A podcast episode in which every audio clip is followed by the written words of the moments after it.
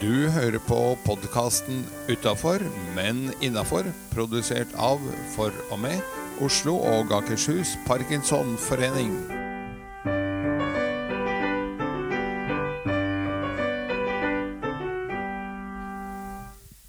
Hei, jeg heter Seri Lind, og ved min side så har jeg Edgar, Hei, hei!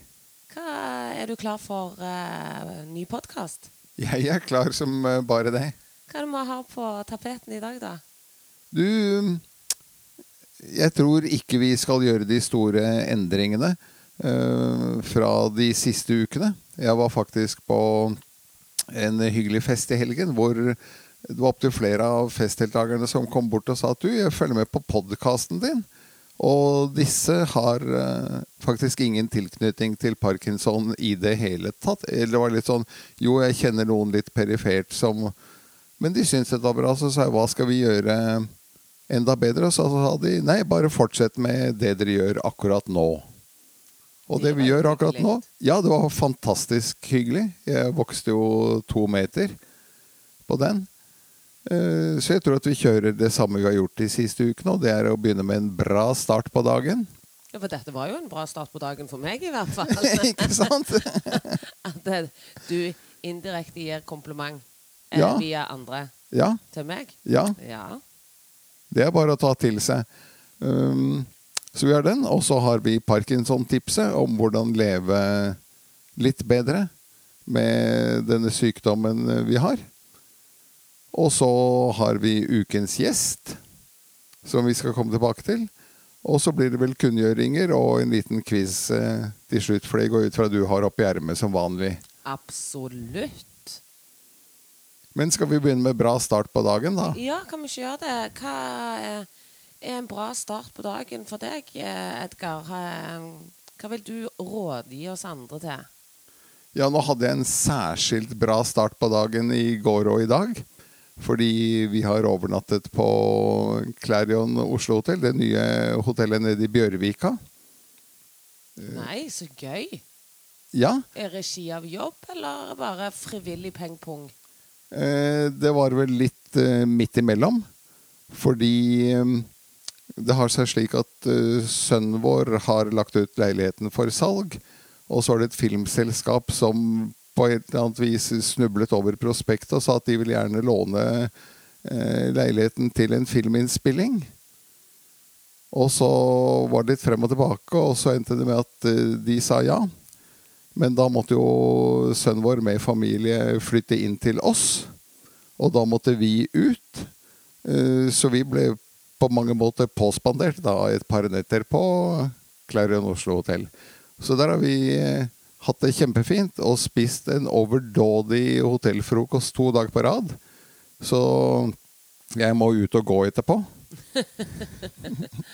Ja, ja, ja. Men Kransekake til frokost er det ikke hver dag du får. Nei, det er det ikke. Men hva er det som gjør at det er en bra start på dagen, da? Ja, det er jo at man gjør noe, noe helt annerledes enn det man pleier å gjøre. Altså en vanlig frokost for meg er litt eh, frokostblanding med Biola mens jeg leser avisen. Og det er litt sånn A4. Det er den samme frokostblandingen som var i går, som var i forrige uke, som Mens eh, det å bevilge seg en litt bedre frokost en gang iblant Ja, en litt annerledes frokost hvis ikke du spiser egg og bacon til daglig. Ja, men så ta det på en vanlig tirsdag morgen, da. ja, så du tenker at du må ikke på hotell? Ikke nødvendigvis. For det er jo ikke alle som har råd til. Nei, det kan vi jo diskutere litt om hvordan man kan spare opp til det. Det kan vi komme tilbake til i et senere tips. Men du har helt rett, det er ikke alle som har råd til det. Og spesielt eh, når vi vet at vårt publikum eh, Det er en betydelig andel som er uføretrygdet. Så er ikke det akkurat noe gull å leve på. Men eh, litt sånn eh, pampering, som eh, engelskmenn kaller det, i hverdagen. På en helt vanlig tirsdag.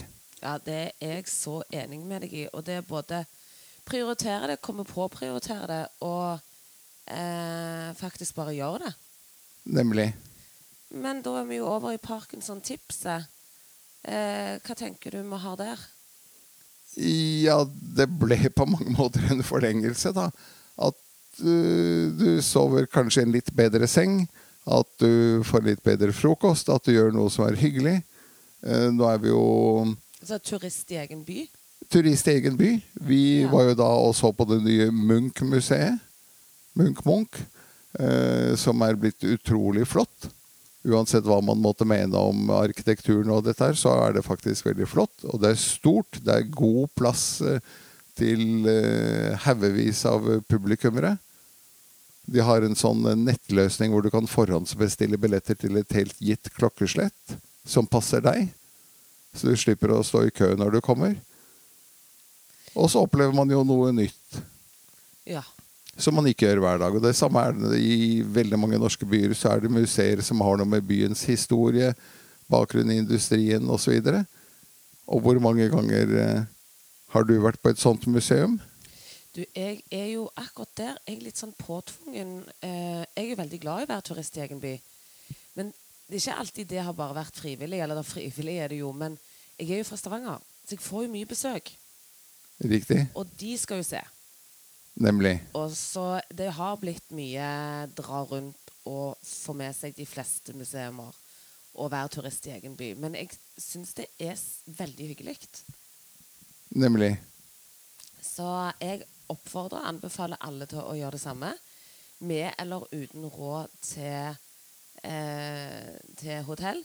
Så er det noe med å En ting å dra til ett museumsbesøk, men å gå litt mer vandrende rundt. Eh, og spesielt rundt Munch-museet, hvor det er så mye fine bygg. Eller det kan jo diskuteres, men eh, mye arkitektur. Er det lov å si det på den Det er måten? veldig mye spennende arkitektur. Og det er faktisk også en av de tingene man ser fra det nye Munch-museet.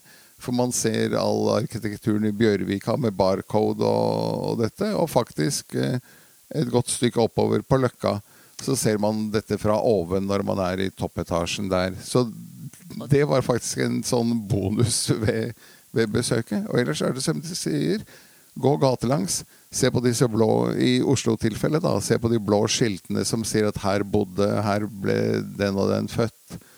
Eh, som er satt opp av Oslo bys vel. Og det går an å ta en kaffe på toppen av Munch-museet. Eller et, li, et lite øl. Lite snitt. Det går absolutt an. Og da får du liksom Da får du New York-feeling i egen by. At du sitter på toppen av bygningen og ser utover.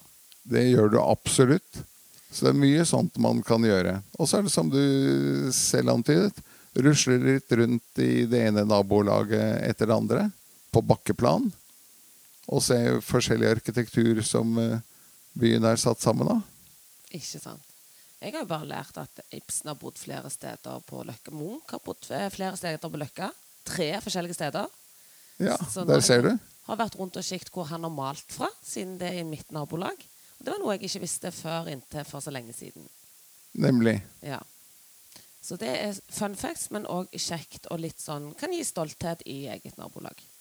Og når det gjelder sykdommen, så er det at du går ute og beveger deg. Og det er jo litt forskjellig. Noen eh, går fremdeles relativt eh, lett. Andre strever. Noen er avhengig av krykker eller rullator. Men det er som jeg har sagt før, så tilpass dette til ditt nivå. Hvis du klarer å gå en time med rullator, så er det, klarer du en halvtime. Ja, så ta den halvtimen. Og jeg har tatt sightseeingbuss i Oslo. Det er også et alternativ. Det er òg lov. Sånn at eh, Det lille toget har jeg tatt. Oi! Rundt. Ja da. jump on, jump off. Så du kan eh, være sittende turist i egen by òg. Det går også an. Og det hjelper på sykdom, det også. At man opplever nye ting, får utvidet horisonten litt. det gjør det. Men eh, vi er jo kommet til ukens gjest. Og det er eh, nemlig eh, Parkinsonforbundets nye generalsekretær. Trenger vi videre introduksjon, eller kan vi bare ringe med en gang? Jeg tenker vi kan eh, Nå er det sikkert noen som sier men hun er ikke så ny, for hun begynte jo jobben allerede i februar. Og har dere kommet til henne tidligere? Nei, Vi tenkte hun skulle få litt eh, tid til å bli varm i trøya. Eh, Så er vel dette en åtte-ni måneder ute i jobben, og det syns jeg passer. Så da tar vi og ringer opp Britt Inger Skånes. Da gjør vi det.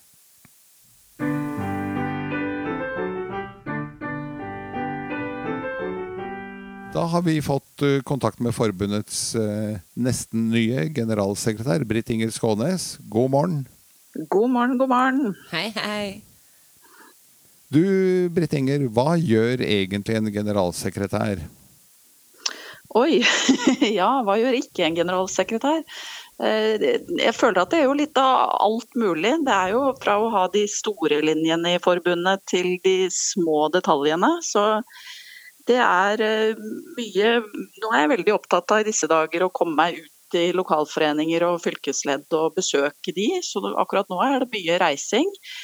Eh, Men ellers er det jo også daglig drift, daglig ledelse av kontor og administrasjonen her, som er kanskje ja, eh, mye av det jeg bruker tiden min på. Og her er det jo masse flinke medarbeidere som jobber med ja, alt det fine vi har på informasjonssiden f.eks. Med eh, nettsidene våre, med medlemsbladet vårt, med brosjyrer og masse gode prosjekter og filmer og ja, det er, det er veldig mye aktivitet. Politisk påvirkningsarbeid jobber vi med, ja. Um, Men hvorfor, ja. hvorfor heter det generalsekretær? Hvorfor heter det ikke daglig leder? Ja, det kunne det helt sikkert ha hett. Det er vel en sånn fin fjong-tittel fra, fra gammelt av. Det vet jeg ikke. Det er, det er det det heter i veldig mange organisasjoner. Men det er jo daglig leder, Ja, i prinsippet. Det er jo det det er. Mm. da sier vi at det er det det er.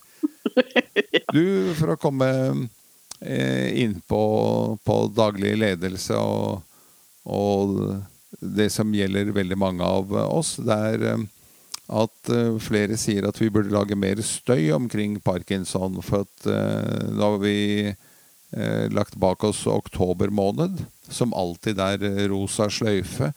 Og de får liksom ti minutter på Dagsrevyen, beste sendetid eh, på NRK. Mens eh, parkinson eh, ligger et sted i bakgrunnen. Hva er dine tanker om det? Og hva gjør du for å skape oppmerksomhet om, eh, om oss?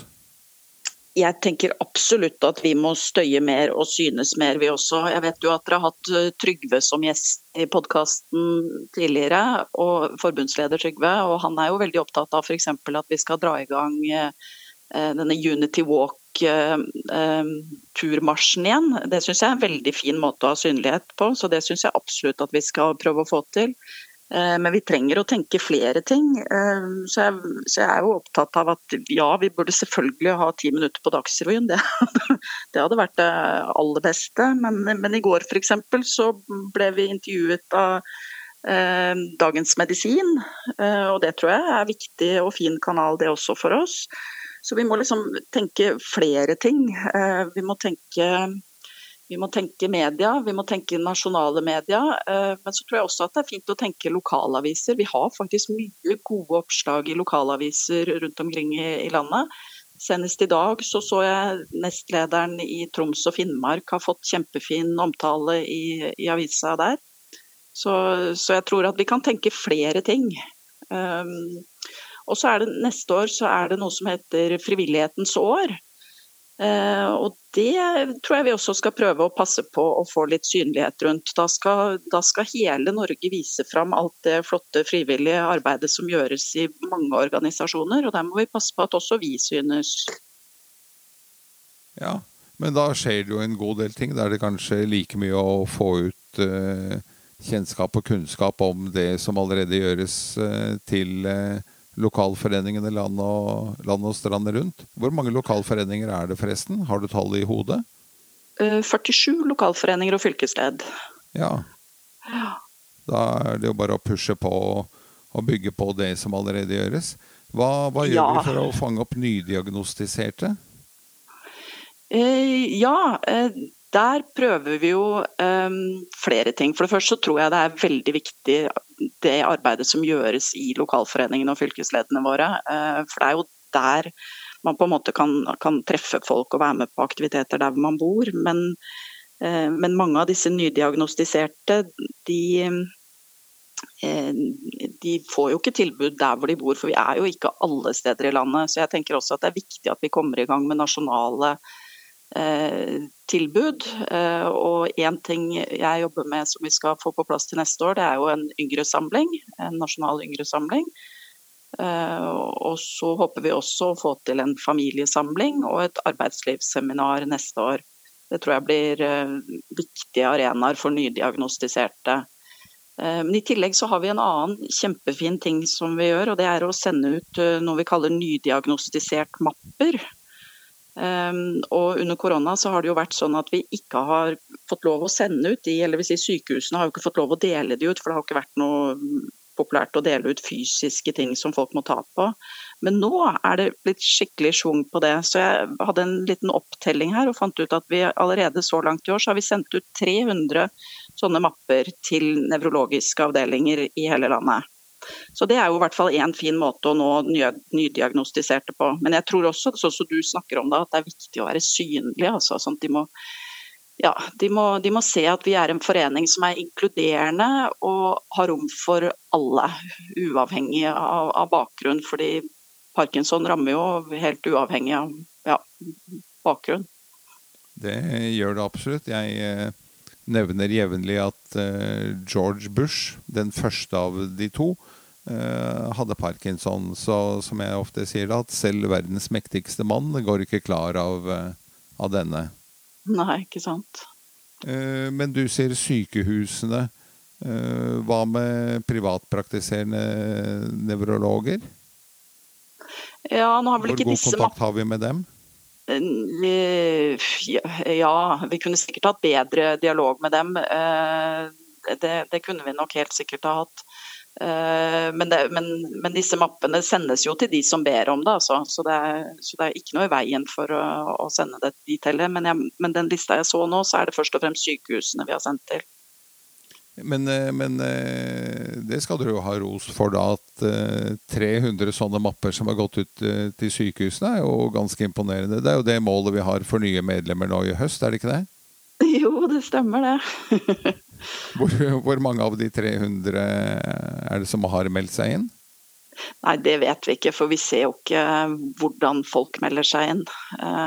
Så det, det har jeg dessverre ikke noe tall på. Eh, men jeg vet jo at det, dessverre for en del så tar det litt tid før de er klare for å melde seg inn.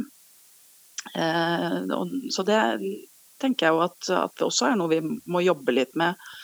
Eh, en av de aller første telefonene jeg fikk når jeg var, var nyansatt, det var fra en, en kar som ringte for å melde seg inn. Uh, og litt ute i samtalen så klarte jeg liksom å få spurt han om hvor lenge han hadde hatt diagnosen. Og han kunne da fortelle at han hadde hatt parkinson i 20 år, men det var først nå han var klar for å melde seg inn i forbundet. Ja, det, det, gjorde litt inntrykk på meg. Ja, det ser jeg òg når jeg er litt rundt i grupper og jobber. Så er det mange, spesielt de yngre kanskje, som er i gruppene, som ikke har meldt seg inn. Eller de yngre ja. som kommer til meg. Én ting er de som kommer individuelt. Jeg syns det er kanskje mer fascinerende at de som da har valgt å gå i gruppe, ikke har meldt seg inn. Eh, ja. For de møter jo på andre med parkinson. For det har vært, vært et av de argumentene de yngre har sagt til meg, er at men jeg er ikke klar for å møte på så mange med samme diagnose. Mm. Eh, og det er jo kanskje der en må gå og gjøre et lite arbeid. At det, å møte andre med samme diagnose er kanskje noe det lureste du gjør istedenfor å unngå det. Ja. Så, ja, det tror jeg er kjempeviktig at vi må vise, vi må vise fram at vi er en, en inkluderende organisasjon som har, som har, plass til alle. Eh, det tror jeg. Men så tenker jeg også at det må være rom for å være medlem på ulike måter. Altså det kan, hvis du ønsker det, og, altså bare å være medlem for å støtte saken og motta medlemsbladet, så, så må vi ha rom for det også. Det må ikke være sånn at du må komme på medlemsmøter og må gå på aktiviteter for å være medlem. Så vi må ha, vi må ha plass til alle, og vi må ha, tilbud, et, vi må ha et uh, rikt tilbud. Men de har jo heldigvis lokalforeningene våre, så jeg er virkelig megaimponert over hvor mye kreativitet og hvor mye ulike tilbud som er ute i lokalforeningene. Ja, Et av de tilbudene vi hadde, var jo en, en visning av kinofilmen eh, 'Spring', Øye Spring. Eh, som, eh, for den som ikke har sett eller hørt om filmen, så handler den om en svensk artist. Det er en delvis selvbiografisk film. For han får diagnosen, og han spiller da i filmen spiller han seg selv. Og familien hans spiller seg selv, slik dette var. Og han går jo mer eller mindre i fornektelse. Og deler ikke diagnosen med verken familie eller kolleger eller Eh, andre i nettverket sitt i, i det hele tatt. Han går uh, mer eller mindre i svart. Uh, du var jo med og så filmen. Hvilke tanker uh, har du gjort deg i ettertid? Jeg, for det første syns jeg det var en veldig bra og sterk film. Jeg likte den veldig godt. Det er jo én persons beskrivelse av, av det å få en, en Parkinson-diagnose, men jeg, så som jeg har skjønt det, så er det mange som kjenner seg igjen i den måten han reagerer på. Eh, så jeg, så jeg tror det er en viktig film eh, som kan ja, åpne for diskusjoner. Jeg syns vi hadde forresten et veldig fint eh, arrangement, Edgar, med, med, med debatten etterpå. Jeg tror, for jeg tror det er viktig på en måte ja, at man åpner opp for å snakke litt om det etter en sånn film også, for det er jo en sterk film. Det er det. Ja, jeg syns den er kjempesterk, og jeg selv ligger vel sånn sett mer mot å åpne, men jeg husker også at da jeg fikk eh, diagnosen da nevrologen sa så da kan vi fastslå at det er parkinson. Eh, så var det en ganske hard knyttneve, enda jeg jo på mange måter var forberedt på at det var det det var. Og mm. tenkte at eh, det kan ikke være så farlig. Så var det idet han sa den setningen, så var det en skikkelig nesestyver. Ja. Ja, jeg, det, det, skjønner jeg. Jeg skjønner at man kan trenge litt tid på å fløye det. Og tenke gjennom ja, hva det betyr. Eh, men så håper jeg jo virkelig, og jeg vet jo at veldig mange har da stor glede av å komme i kontakt med, med andre med samme diagnose, og ikke minst det liksom å bli litt oppmerksom på hva man kan gjøre selv. Eh, for det, jo, for det, er jo, heldigvis mye man kan gjøre selv også. Eh, og ikke bare altså medisiner. Det er jo masse bra medisiner, og det er kjempefint det, men jeg tror mange ønsker liksom å være en aktiv part og, og, gjøre det de selv kan for å forebygge og, og, og bremse utviklingen. Ja, eh, litt tilbake til dette med støy og oppmerksomhet. Eh, jeg nevnte USAs tidligere president, eh, eller nå avdøde George Bush. Eh, det er en håndfull norske kjendiser også som har parkinson. Har vi gjort noe for å engasjere, eller hva har vi gjort for å engasjere disse? Jeg vet at vi har vært i kontakt med en del. og Der er det også litt sånn at en del av disse menneskene trenger litt tid. Vi har vært i kontakt med både kjendiser som har parkinson, men også pårørende. Ehm, så vi, vi, har noen på blokka, og vi skal nok prøve å kontakte de igjen. Ehm, men, men, de er som alle andre mennesker, de også. At de kanskje trenger litt tid på å venne seg til det før de er klare for å, for å stå fram, da. Eller for å ja, fronte saken. Da får vi krysse fingre for at de snart er klar for å fronte saken, så vi får den oppmerksomheten vi, vi fortjener. Mm. Um, du er jo ny, som jeg sa, litt i anførselstegn her sånn etter eh, Magne, som satt ja. som generalsekretær i, i 20 år. Eh, hva vil du opprettholde eh, av det han har gjort? Hva vil du slutte med, og hva for noe nytt vil du introdusere? Eh, ja, eh, altså det, det er, jo spesielt å komme ja, det, Store eh, spørsmål. Nei, altså Magne har jo gjort en kjempejobb i mange år, og det hører jeg jo når jeg kommer rundt at, at folk er imponert over den jobben han har gjort. Og jeg tenker ikke minst det med, med Parkinson Nett, det er kanskje virkelig noe av det mest imponerende jeg har sett i forhold til eh, lobbyarbeid. Så det er klart at der har jeg jo en kjempejobb med å videreføre det. Nå er det jo heldigvis vedtatt at det skal implementeres nasjonalt, og det er vi jo i full gang med. Eh, men det er jo en plan fram til 2024, så det er klart at vi må jo allerede nå begynne å jobbe for å sikre Parkinson-nett videre. Eh, så det er kanskje en av de aller, aller viktigste tingene. Eh, og så har jo landsmøtet gitt eh, veldig tydelige føringer på at vi trenger å ta mer tak i opplæringen av tillitsvalgte. Så det er noe vi kommer til å jobbe mye med fram mot neste landsmøte. Og der tenker jeg at vi, at vi nok må tenke litt lenger fram også. Vi må rett og slett lage en Altså det finnes masse bra opplæring i dette forbundet, men vi, vi har nok ikke på en måte systematisert det godt nok og tenkt litt altså både hva vi har og hva vi ønsker. Så, så der tenker vi at vi skal lage en, en god strategi for det, og så skal vi, skal vi, jobbe med det sånn at det skal være trygt og godt å påta seg tillitsverv i den organisasjonen her. Du skal vite at du har en organisasjon i ryggen som støtter deg hvis du sier ja til å påta deg et verv. Eh, og så skal vi også jobbe med brukermedvirkning. For det er jo en kjempemulighet å, ja, å, påvirke og skape synlighet på det også. Eh, vi blir jo invitert inn som brukermedvirkere veldig mange steder, både i forskningsprosjekter og i helseforetakene, eh, og ikke minst nå i Parkinson Nett. Eh, så, så, så det å bruke de mulighetene på en god måte, og at også de som påtar seg sånne verv er godt skolert, det skal vi også jobbe med framover. Så det var vel svar på noe av det. Eh, hva vi skal slutte med, spurte du om også. Ja. Eh, det, jeg har ikke tenkt på noe sånn umiddelbart som vi skal slutte med, men, eh, men, men den diskusjonen må vi nok kanskje også ta. Eh, det er klart at eh, det, er, det er sikkert ting man ikke trenger å gjøre lenger. Eh, men mest så har jeg jo bare lyst til å gjøre mer.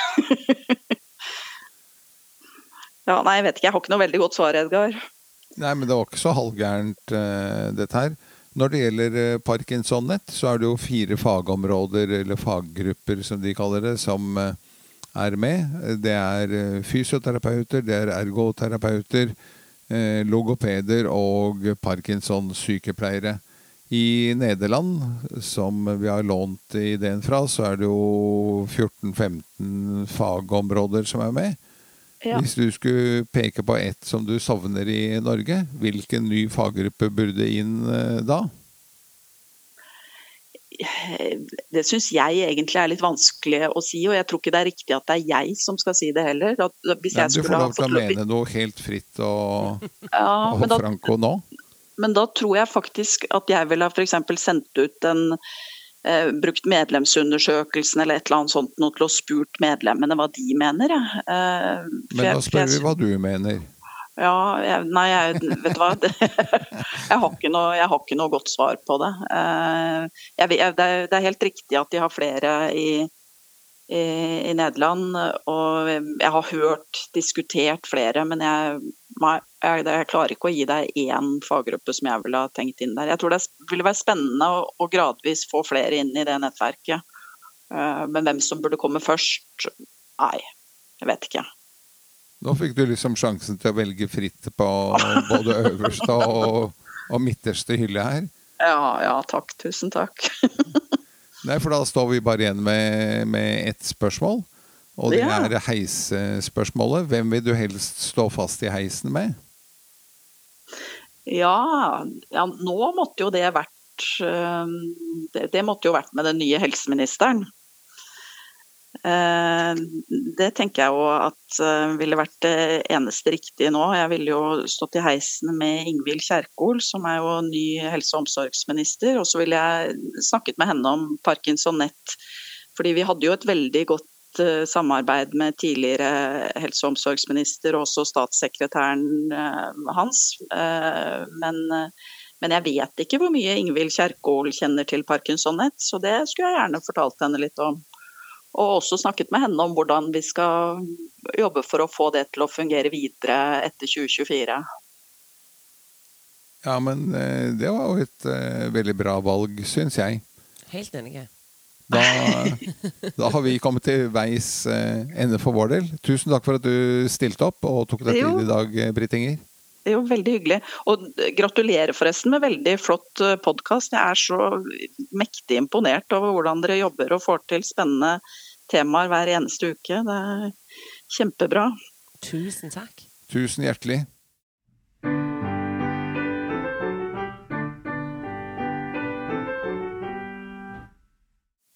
Er vi kommet til kunngjøringer, og hva har vi der, Edgar?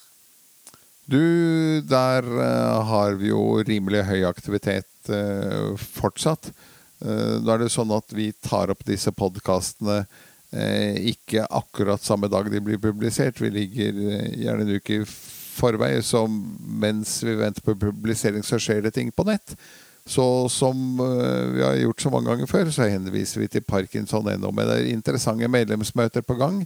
Eh, som Britt Inger sa, hun er på turné høyt og lavt i kongeriket for å treffe folk lokalt. Og hvis du syns at eh, det var spørsmål vi burde ha stilt, som ikke vi stilte, så kan du møte opp eh, på ditt lokale medlemsmøte og stille Britt Inger de spørsmålene du syns vi burde ha stilt. Og det er mye annet eh, artig.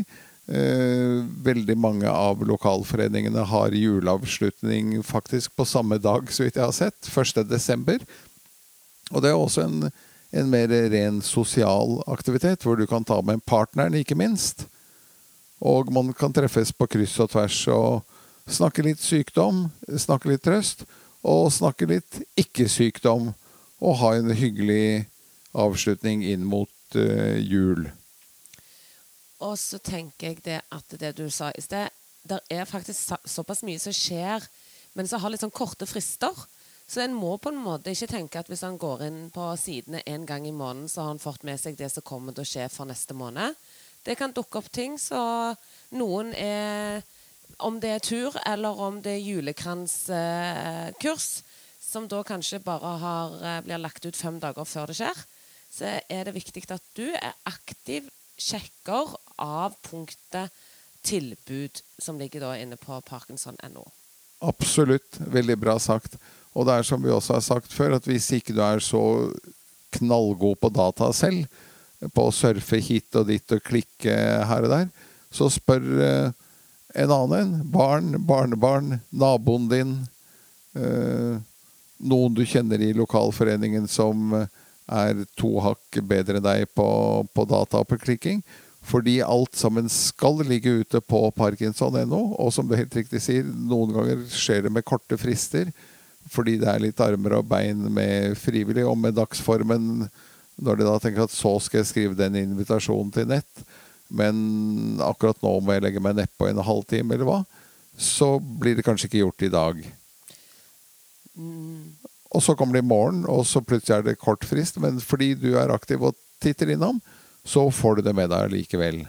Og da kom jeg på en annen oppfordring. Eh, fordi jeg møter ganske mange klienter som ikke søker om TT-kort, for de mener de er i for god form. Men så jeg, har jeg òg hørt at de samme menneskene sier vi orker ikke på kvelden fordi at de har brukt opp energien på dagen. Det, du trenger ikke bruke TT-kortet hvis du ikke vil bruke opp timene. Du kan ha det bare liggende. Så det å bare ha et TT-kort som gjør at når det er et aktivitetstilbud på kvelden som plutselig dukker opp i din klubb eller nabokommunen, så kan du være med, fordi da kommer drosjen og henter deg for 55 kroner. Det er jo fabelaktig. Så husk det at eh, selv om du kjenner at du er litt for god i form til å søke om TT-kort, så kan du bare ha det liggende til rainy day. For plutselig trenger du det. Nemlig. Og så er det, som vi også minner om, at det er mange av aktivitetene som egner seg like godt for pårørende. Og ikke minst så er det en god del aktive pårørendegrupper nå.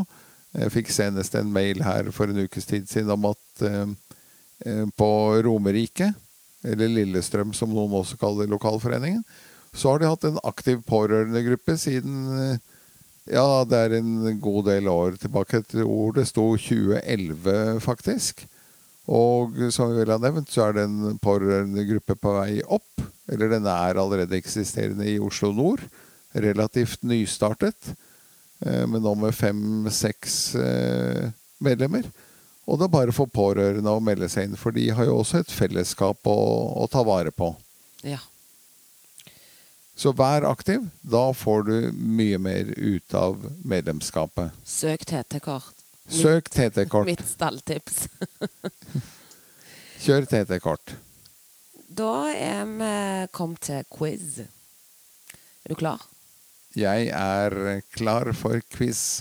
Tema hva betyr ordet? Oi. Husk du som lytter, gjerne stopp, pause hvis du vil tenke litt lenger. Bruke de grå små. Eller eh, så kommer Edgar eh, enten om han dveler på ekte, eller om han dveler fake. Men prøver å utsette svaret sitt bitte litt, sånn at du har eh, får tenke som, sammen med Edgar. Hva er en eh, jamboree? En jamboree Mm. er dung, dung, dung, dung. Du kan gjøre sånn som du gjør på disse teite utslagskonkurransene på TV. Ja. Den som er med videre, og så drar de det ut. Jeg...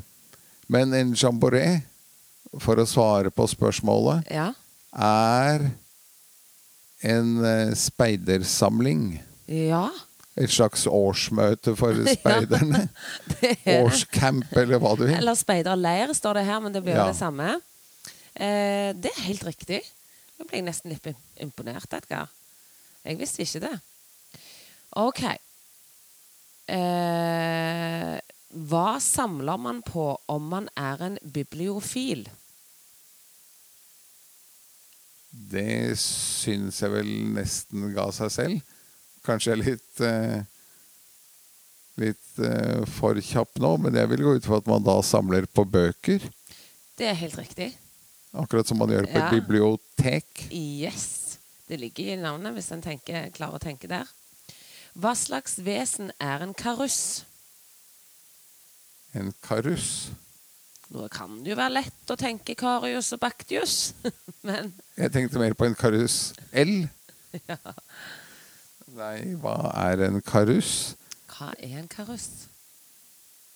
Jeg syns det høres ut som et insekt av noe slag. Mhm. Tenker, er svaret, låser du svaret på insekt? Jeg låser svaret på insekt. Du er i hvert fall i riktig rike, for vi, det var en fisk. Ok. Ok, Er du klare for eh, et par til? Ja. Hva betyr forstavelsen hydro? Det må ha noe med vann å gjøre. Ja, da kan vi bare gjøre det så enkelt som at det, Det har med vann å gjøre. det er vann. Det er vann. Ja. Siste. Hva slags redskap er en bile? Bile eller bille? En bile? Det er en uh, slags kile. Det er noe man bruker bl.a. når man eh, kløyver ved. Kan man bruke en Hvis uh, det er veldig tjukk tømmerstokk, så kan du ta en bile og kline til med slegga, og så sprekker tømmerstakken. tømmerstokken. Så litt enklere forklart en øks, altså. Eh, Det kan man også kalle det. En slags øks. En slags øks. Men det var en veldig fin forklaring på hvordan det virker. Ja, ikke sant? Ja. Jeg har nemlig brukt en slik. Da vi tok ned noen trær i Vi hadde et, eh, et hus i Bærum tidligere. Til vi ble lei av hus og hage og snømåking og plenklipping og hva. Og blant annet så tok vi ned et par trær, og da sto jeg der og, og kløyvde de svære stokkene. Så du kan alt om biler. Jeg kan det meste om biler. Fantastisk. Men da eh, er det bare å takke for oss. Og så må jeg jo si det var jo nesten fem av fem der, eh, Edgar. Det var nesten det. Ja, Så imponerende runde. Takk. Takk for oss, og takk for at du lytta. Og velkommen tilbake neste uke. Torsdag formiddag er vi på plass igjen. Der hvor du fant denne ukens episode av Utafor, men innafor, finner du også neste ukes episode og neste uke etter det. Og alle de tidligere, og de finner du der podkaster spilles. Nemlig. Og det er bare å gå tilbake og sjekke hvis du tenker at det var noe jeg har gått glipp av, så ligger de der. Du har eh, hørt på podkasten Utafor, men innafor, produsert av For og med Oslo og Akershus Parkinsonforening. Vi håper du har hygget deg, og ønsker deg hjertelig på gjenhør i nye sendinger.